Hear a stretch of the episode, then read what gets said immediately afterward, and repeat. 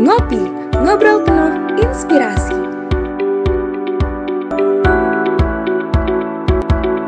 How to stay productive in multi-role position.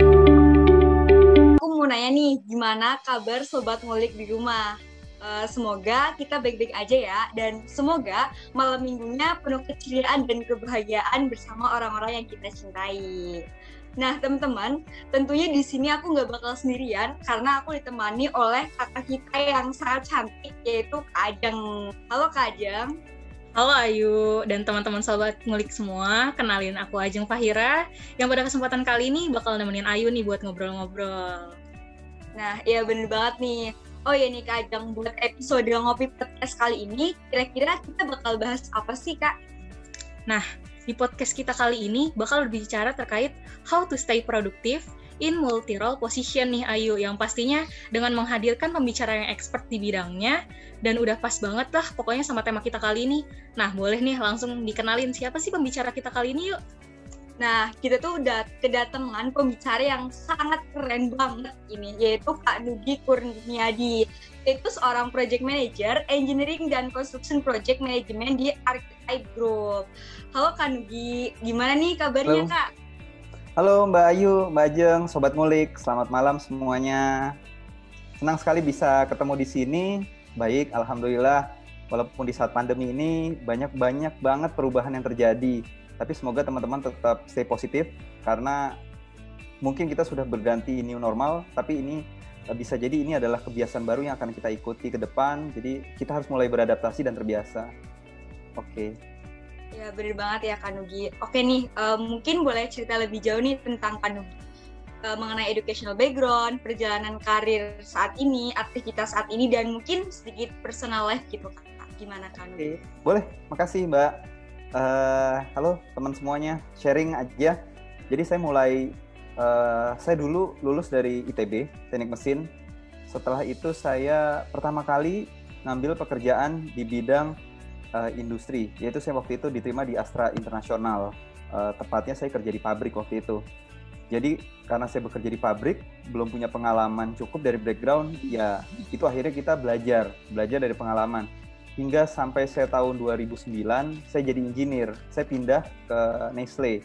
Di situ saya pegang di head office, kemudian saya koordinir eh, pada waktu itu tiga pabrik karena pada sebelumnya orang yang saya gantikan mau pindah ke Australia. Jadi saya ganti. Padahal orang yang saya gantikan itu umurnya sudah hampir 40 ke atas. Saya terus terus kaget. Tapi ya buat saya saya senang tantangan. Akhirnya saya ambil.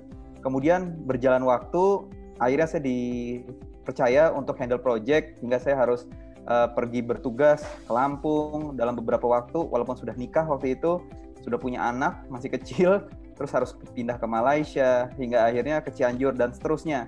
Hingga akhirnya saya bisa mendapatkan sebagai engineering manager. Itu akhirnya saya masuk di perusahaan Danone Aqua. Jadi memang uh, sobat ngulik kalau memang kita bicara mungkin saya kasih bocoran sedikit terkadang kita sering dengar ada passion, ikutilah passion. Uh, mungkin di sini yang ingin saya sharing adalah, oke, okay, uh, fokus terhadap passion, tapi jadilah unik, jadilah diri teman-teman sesuai dengan apa kebutuhan pasar, tetap stay inovatif, jadilah orang yang berbeda sehingga kita bisa mengisi apa yang dibutuhkan. Pada waktu itu, dengan pengalaman kerja saya, saya tidak cepat puas. Jadi waktu itu saya akhirnya handle pabrik Eh, di sebuah akhirnya saya pindah ke Jakarta waktu itu. Kemudian di situ saya handle pabrik produksi mulai dari es krim, susu, walaupun saya nggak punya background. Ya uh, kuncinya satu, kita bisa uh, interaksi sama manusia karena ketika masuk ke dunia kerja sudah bisa dibilang uh, IQ itu mungkin mohon maaf 10% atau 20% dari syarat kita masuk dunia kerja. Setelah itu uh, yang bisa membuat kita bertahan dan naik adalah sosial sosial sosial skill kita bagaimana kita bisa berinteraksi bekerja sama dan membentuk komunikasi uh, atau ekosistem dengan teman-teman sekitar. Kemudian akhirnya saya mau memutuskan waktu itu masuk kuliah di S2 di IPNI waktu itu MBA akhirnya saya ambil MBA saya lulus. Kemudian saya berpikir lagi kira-kira sambil kerja apa lagi ya saya mau mencapai apa gitu. Saya memang punya goal, saya pengen di posisi manajemen. Akhirnya waktu itu karena saya bermula dari pabrik, saya pikir sebagai seorang teknisi yang di pabrik kemungkinan besar untuk naik agak kecil. Hingga akhirnya saya ambil manajemen dan saya ambil project manager. Karena memang saya lihat di Indonesia itu masih sedikit banget waktu itu uh, dengan sertifikat TMI. Jadi ada Project Management Institute yang memberikan sertifikat TMP. Kemudian saya lulus di situ sekitar tahun 2017 hingga akhirnya saya bekerja sebagai project manager Nah, kemudian setelah project manager, saya menangani project-project yang nilainya ada yang sekitar eh, uh, 33 miliar gitu ya. Jadi semuanya itu berjalan sesuai dengan apa yang saya uh, bayangin gitu. Jadi teman-teman pesan saya, kalau teman-teman punya keinginan, tolong bikin uh, keinginan itu yang baik. Waktu itu saya pernah lewat jalan, kemudian saya lihat Tetra Pak. Saya pengen banget kerja di Tetra Pak. Hingga akhirnya saya kerja di Tetra Pak dan saya handle project paling besar di situ dari sekian project manager yang sudah senior. Dari situlah saya sudah membuktikan diri saya sebagai project manager. Hingga akhirnya saya tidak puas lagi, saya mau ngambil S3. Karena kenapa? Saya cari coach. Siapa ya kira-kira coach saya yang bisa membimbing saya untuk menjadi orang lebih baik? Saya coba cari, saya coba cari, saya coba cari ketemu Gita Wiryawan, saya coba cari ketemu ada Agus uh, Agus Sucipto, saya cari. Kemudian hingga akhirnya saya pikir, kayaknya saya harus masuk kuliah S3. Akhirnya di situlah saya dipertemukan sama Prof. Renat Hasali yang jadi promotor saya sekarang dan itu merupakan uh, pencapaian saya.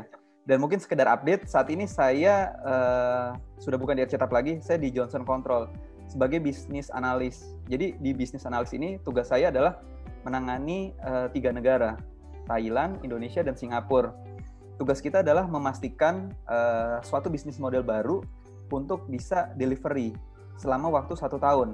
Jadi kita punya suatu produk untuk memberikan value proposition. Kalau teman-teman belajar manajemen ada bisnis model. Ada satu bisnis model baru yang ingin kita implementasikan. Dan di awal ini banyak sekali tantangan. Dan di situlah saya diminta untuk menangani tiga negara. Dan salah satunya negara Singapura itu cukup menantang ya. Karena seperti teman tahu sendiri, budayanya kalau pernah ke Singapura mungkin berbeda sekali sama di Indonesia. Kira-kira seperti itu. Kalau pengalaman pribadi, saya sendiri sudah nikah. Saya punya dua anak. Uh, anak saya paling besar SD, yang paling kecil TK. Begitu. Kira-kira seperti itu, Mbak. Mungkin agak panjang ya. Wah, kalau dilihat dari track recordnya udah berpengalaman banget lah Kanugi ini.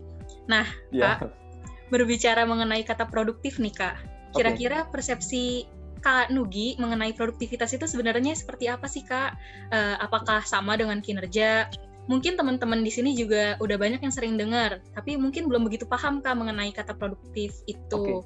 Baik, nah, baik. Ya, mungkin bisa dijelaskan Kak dan bagaimana cara kita mengukur apabila seseorang itu dapat dikatakan produktif itu seperti apa? Oke, okay. baik. Jadi uh, pada waktu di pabrik dulu, saya pernah kerja di pabrik. Uh, ukuran produktivitas itu diukur waktu itu dari jumlah uh, jam kerja. Jadi begini, kita ada namanya total produktif uh, sama total non produktif. Katakanlah begini, satu hari uh, atau satu shift, satu hari kita bekerja 24 jam. Di pabrik itu nggak boleh namanya stop. Makanya ada tiga shift supaya ada overlapping antara satu shift dengan satu shift berikutnya. Kemudian satu shift itu ada 8 jam. Nah, ukuran produktivitas itu dilihat dari total jam kerja 8 jam. Tapi actualnya uh, perusahaan harus bisa mengukur ini tidak bisa 8 jam murni. Karena kenapa? Ada waktu istirahat, ada waktu makan, dan ada waktu meeting. Nah di situlah nanti diukur nilai produktivitas. Jadi uh, dari pengalaman yang saya dapatkan, produktivitas itu adalah ukuran. Kalau saya berkaca dengan apa yang saya dapatkan sekarang, saya implementasikan. Produktivitas itu kita harus bisa menggunakan waktu sebaik mungkin. Kalau tidak produktif, artinya tidak ada added value terhadap apa yang kita lakukan. Uh, mungkin itu lebih jauh lagi ya, tapi at least dalam waktu yang kita alokasikan itu, kita bisa bergerak, melakukan sesuatu, dan menghasilkan sesuatu. Menghasilkan sesuatu bukan berarti langsung selesai 100%, tapi uh, kalau dalam project, progres sekian 10%, 20%, 30%, itu adalah progres yang kita bisa capai. Kalau di pabrik atau produk yang kita bicarakan, output itu adalah jumlah hasil. Misalnya 10.000 piece uh, rem atau 10.000 kotak susu yang dihasilkan dibandingkan dengan waktu yang dibutuhkan untuk menghasilkan itu dan diukur dari kapasitas yang ada. Kalau bicara mesin, maka mesinnya harusnya bisa satu jam menghasilkan 20, ya 20. Kalau menghasilkan 15, berarti ada pertanyaan, kenapa? Nah, kalau bicara manusia, manusia misalnya pekerjaan manual, misalnya empat orang bisa menghasilkan 10, ternyata dalam satu jam menghasilkan cuma setengahnya. Nah, itu dipertanyakan, kenapa nggak produktif? Seperti itu. Kira-kira uh, begitu ya. Nah, kalau bicara kinerja, semakin saya belajar di kuliah saya, kinerja itu diukur dari pencapaian. Kalau bicara perusahaan, maka kinerja itu adalah uh, penjualan, kemudian uh, penambahan uh, produk, uh, produksi misalnya, atau misalnya pertambahan income untuk suatu perusahaan, atau bisa jadi kinerja itu kita bisa menghasilkan uh, yang lebih baik. Jadi seperti itu. Jadi pemahamannya beda. Kalau kinerja itu uh, lebih banyak diukur dari ukuran finansial, misalnya sekian juta atau 2 juta, tapi produktivitas itu uh, umumnya dilihat dari outputnya. Seperti itu, Mbak. Oke, uh, keren banget ya. Ini adalah produktivitas ala Kanugi kayak gitu. Nah, untuk selanjutnya nih Kanugi, hmm. uh, mengapa sih kakak tuh tertarik bekerja di bidang project management kak? Uh, role-nya, scope dan juga tanggung jawabnya itu seperti apa kak mengenai profesi ini kayak gitu kan? Oke, okay. uh, terima kasih Mbak. Jadi menarik sekali ya. Kalau bicara project, kadang kita berpikir project itu, oh ketika kita bicara konstruksi di jalan, bikin jalan, bikin gedung, memang banyak diimplementasikan di sana. Namun uh, seperti kita tahu ada istilah-istilah baru seperti agile, tangkas. Itu dipakai di um, IT, perusahaan berbasis IT. Kenapa ada project management? Karena kita butuh mindset. Seperti misalnya begini, ketika teman-teman lagi kuliah, teman-teman punya goals. Saya mau dalam waktu tiga tahun saya harus lulus. Maka teman-teman sudah mulai uh, secara mindset project management saya butuh dana misalnya satu semester saya harus mengeluarkan berapa sehingga misalnya dalam uh, tiga, tiga tahun ada 8 semester misalnya yang harus selesai saya punya investasi nilai sekian kemudian saya punya effort yang harus saya lakukan saya harus belajar setiap kuliah saya harus bisa mendapatkan nilai A nah teman-teman bisa mengukur dengan project management ini mengukur dengan kecil-kecil-kecilnya kira-kira aktivitas apa yang teman-teman perlu lakukan dari situ teman-teman mengukur uh, ukuran-ukuran mikro kecil hingga bisa mencapai goal-goal uh, lebih besar dari uh, rencana yang ingin dicapai. Jadi, project management adalah mindset.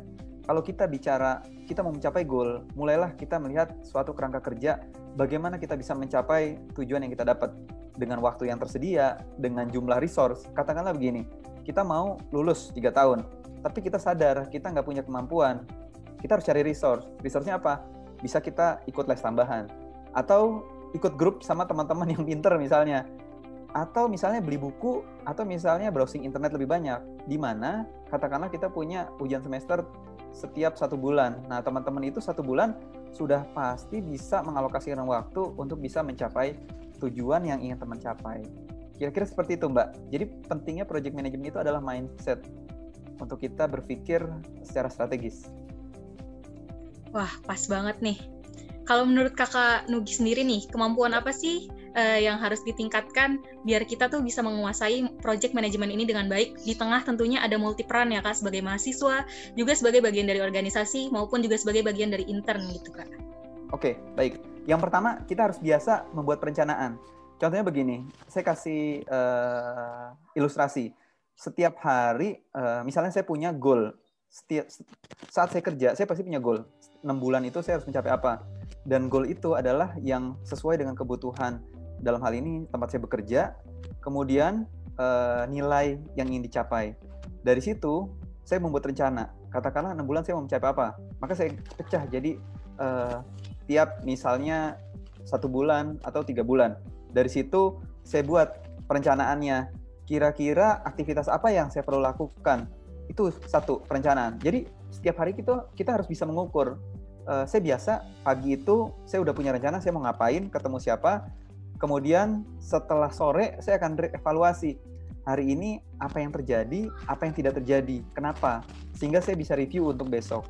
Jadi balik lagi, perencanaan penting, namun eksekusi adalah hal yang lebih penting. Karena perencanaan tanpa eksekusi yang baik kita nggak mungkin bisa menjalani itu. Kemudian yang kedua organisasi.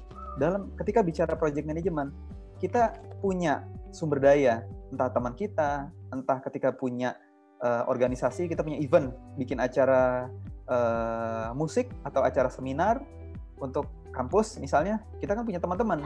Nah teman-teman itu ada loh karakternya beda-beda. Ada teman-teman yang mau didorong, yang ayo dong uh, ngumpul yuk misalnya. Ada juga yang uh, wah ayo ayo uh, mendorong gitu. Nah kita harus bisa melihat gimana bisa menggabungkan ini karena pada pada dasarnya semua orang itu punya potensi.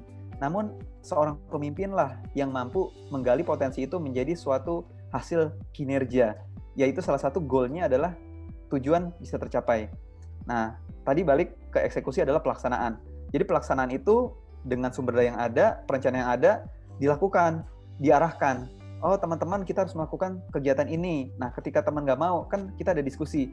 Gimana kita memberikan pemahaman ke teman kita supaya paham kalaupun teman kita punya masukan, kita bisa mengakomodir masukannya. Sehingga ini bisa menjadi suatu hal menguntungkan terhadap tujuan keseluruhan dari uh, perencanaan dalam hal ini misalnya kampus. Kemudian pengendalian. Contohnya begini, kadang-kadang kita tahu kok di jalan misalnya kita sering tahu banyak kendala kendala yang kita hadapi. Contohnya misalnya begini, kita mau bikin event, terus ternyata hujan. Kita kan nggak mungkin bisa mengeluh. Yang kita lakukan apa? Melakukan alternatif misalnya kita udah punya perencanaan namanya risk management. Jadi di project management itu ada namanya risk management di mana kita harus bisa mengantisipasi. Contohnya misalnya kita mau bikin event. Event misalnya di suatu uh, area yang terbuka. Namun kita harus pahami entah mungkin kita sediain tempat tertutup sehingga ketika hujan kita bisa pindahin. Nah, hal-hal ini adalah pengendalian. Kemudian uh, ruang lingkupnya, katakanlah gini.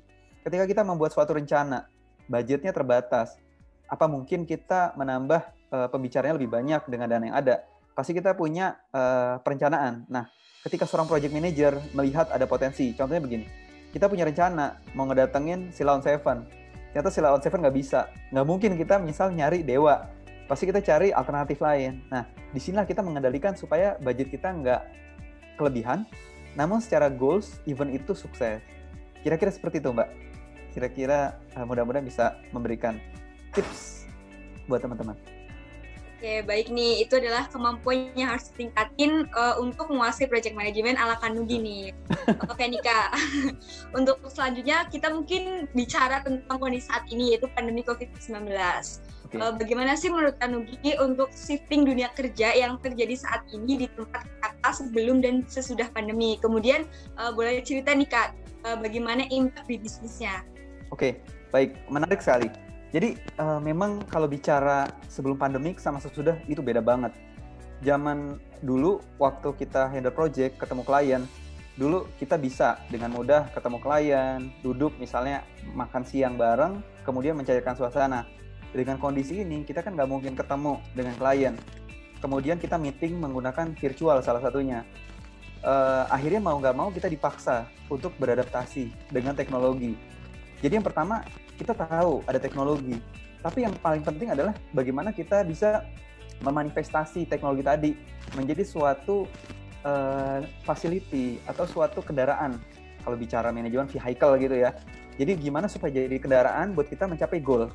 Gimana caranya ketika kita meeting sama uh, katakanlah uh, stakeholder kita, misalnya dalam kampus ketemu dosen tanpa harus ketemu, kita bisa engage uh, berdiskusi virtual misalnya bercanda gitu ya. Kadang-kadang tanpa kita sadari ada hal-hal yang kita nggak sadari mungkin orang tersinggung gitu ya. Saya pernah pengalaman. Uh, ada suatu negara jadi kita diskusi negara negara India sama uh, Singapura. Kemudian India mungkin gayanya uh, seperti apa ya dia menggampangkan gitu ya. Sedangkan Singapura itu orangnya sangat-sangat straightforward ketika dia merasa uh, di ignore dia langsung merasa ter ter apa ya ter tidak nyaman gitu ya. Nah hal-hal ini kita harus bisa lebih sensitif. Oleh karena itu kita harus bisa pertama dalam bersosialisasi kita harus bisa berinteraksi secara digital. Kemudian itu yang pertama. Kalau bicara produk sekarang kita lihat produk apa sih yang sekarang nggak perlu digital? Kalau bicara sekarang eh, makanan ya. Makanan teman-teman kalau lihat Instagram uh, kenapa sih kok ada ada gambar orang cara masak, tapi orang-orang mau beli dan punya interest. Bayangin kalau misalnya kita berada di Tangerang, makanannya enak, kemudian tapi di Bogor. Dengan kondisi pandemi ini sangat susah untuk bisa mencapai ke sana apalagi untuk orang yang baru pertama kali. Sehingga suatu produk itu harus bisa di uh, di uh, manifestasi dalam digital misal begini jadi akhirnya kita mau menggunakan istilah marketing bagaimana kita bisa memarketing produk kita dengan digital supaya lebih dikenal orang dan secara produk kita bisa mendapatkan benefit dari uh, digital itu. Contohnya begini, ketika kita beli pasti kita ingin kasih feedback. Kalau kita menjual suatu produk, kita pengen pembeli kita beli lagi ke kita. Oleh karena itu sering ada feedback di Gojek misalnya. Nah itu jadi kita mau nggak mau terbiasa. Kemudian seperti WhatsApp, pernah nggak teman-teman dalam suatu kondisi ada kok begini ya? Padahal WhatsApp itu kan ketik-ketik ya. Mungkin dahulu kita nggak terlalu tersentuh dengan ini, tapi karena kita terbiasa udah go digital, sehingga kita harus terbiasa sangat sensitif melihat apa yang kita ketik dan respon apa yang kita harapkan. Jadi digital, stakeholder, produk itu bisa mengintegrasi. Yang kedua, ketika kita bicara fungsi, ketika digital, bayangin kita kerja nggak ketemu sama teman-teman kita di finance misalnya dalam satu perusahaan atau teman-teman yang di organisasi belum tentu bisa ketemu teman yang di senat misalnya. Mau nggak mau harus digital. Nah gimana caranya engage? Engage itu apa? Supaya kita satu tim mencapai goal tujuan. Jadi kolaborasi jadi lebih lebih diperlukan. Karena kontaknya terpisah akhirnya kita harus mengandalkan komunikasi secara digital. Yang ketiga adalah produk produk itu kita harus bisa support sampai akhir. Jadi kalau bicara dulu produk, sekarang kan kompetisi banyak, apalagi daya beli turun, sehingga produk ini tidak hanya cukup kita jual produk selesai, namun kita yang memastikan produk ini disukai oleh pelanggan dan pelanggan mau beli dengan pelayanan kita secara berkelanjutan. Jadi impact terhadap COVID dalam dunia bisnis, dalam produk, kira-kira seperti ini, Mbak.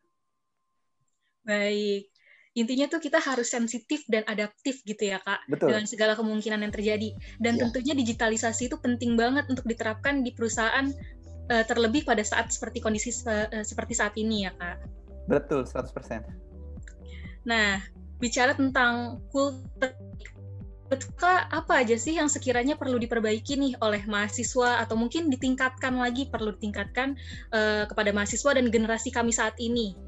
Oke, Uh, jadi uh, menurut saya, uh, saya memang saya punya beberapa event dan saya banyak berinteraksi sama teman-teman yang milenial.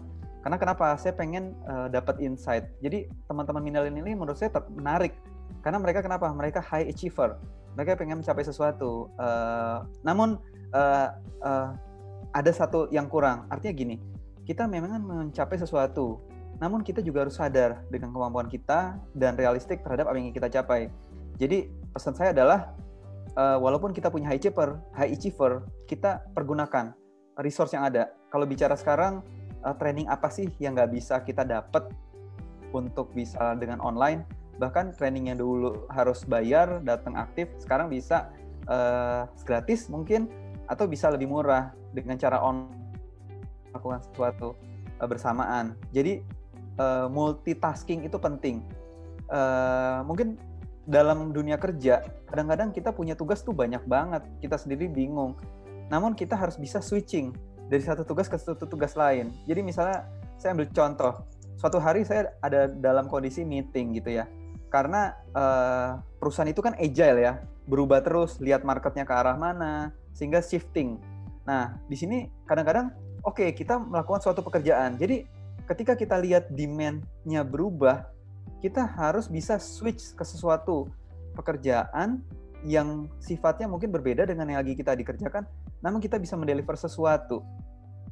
Jadi multitasking, multitasking itu diperlukan untuk bisa melakukan segala hal dengan waktu bersamaan. Namun tetap harus eh, kita harus mindful ya. Jadi mungkin tipsnya dengan kondisi digital ini pastikan ketika satu hari kita katakanlah full melakukan online, pastikan setelahnya kita merenung apa yang sudah kita lakukan, kita mindful, kita uh, melakukan apa ya meditasi gitu ya kalau teman-teman yang muslim melakukan ibadah. Nah, jadi di saat itu kita bisa merenung apa yang sudah kita lakukan supaya kita nggak overwhelming atau stres. Kemudian uh, multitasking, fleksibel, produktif, menggunakan gadget untuk kebutuhan pekerjaan, dan bisa uh, kalau sekarang bicara tempat kerja, gimana sih sekarang kantor mungkin ada beberapa yang tutup. Akhirnya apa? Harus kerja di rumah. Jadi akhirnya walaupun kerja di rumah bukan berarti kita uh, apa namanya tenang gitu ya. Ah nggak ada yang nyari nih. Akhirnya nanti kita dilihat performa kita.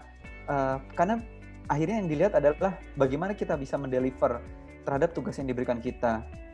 Kemudian uh, tetap data driven. Jadi kalau kita bicara dulu, uh, oh seperti di dunia kerja itu sudah bukan zamannya lagi sekarang. Oh si A bilang gini, si B bilang gini.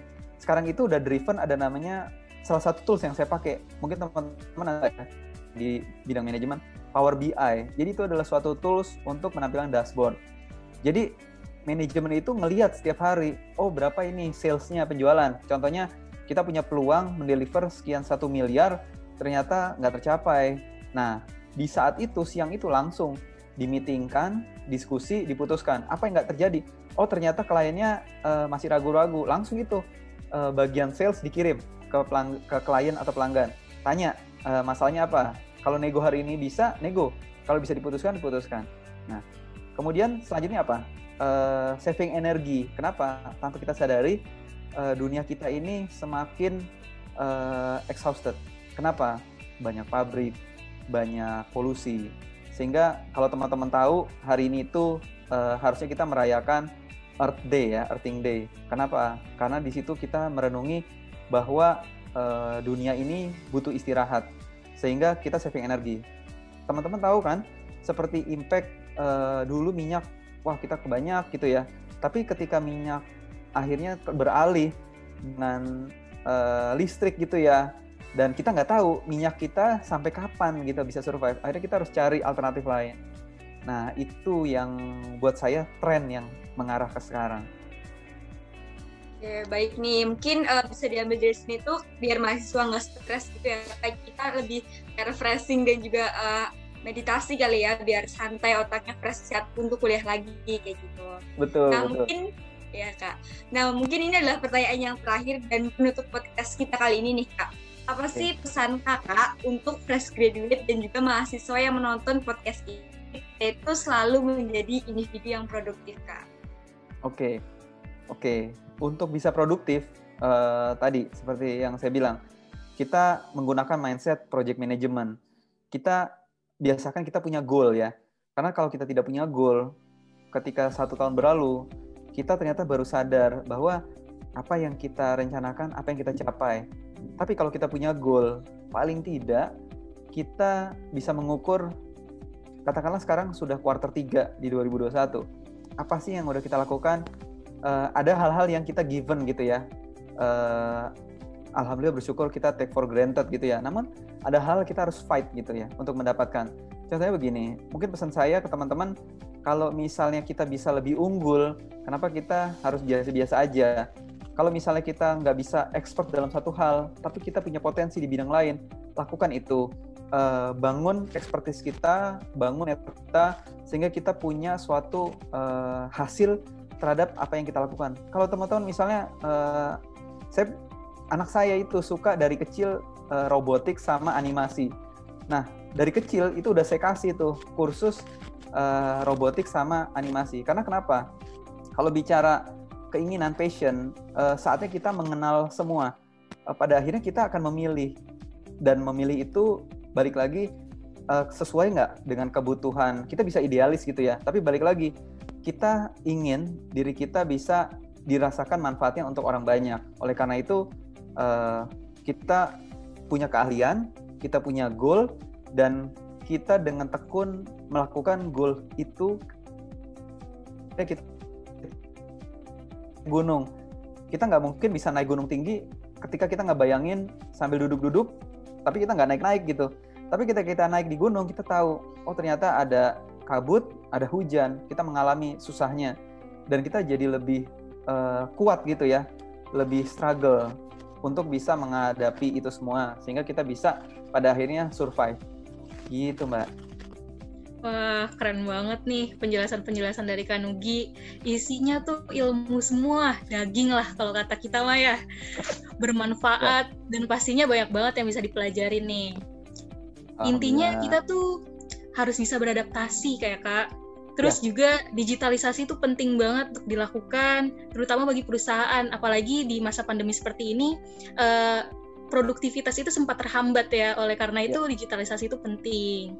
Nah, aku mau ngucapin terima kasih banyak nih ke Kanugi udah mau okay. menyempatkan waktu untuk hadir dan berbincang-bincang bareng aku sama Ayu di ngopi uh, di ngopi podcast kali ini dan juga bersedia buat bagi ilmunya ke sobat mulik.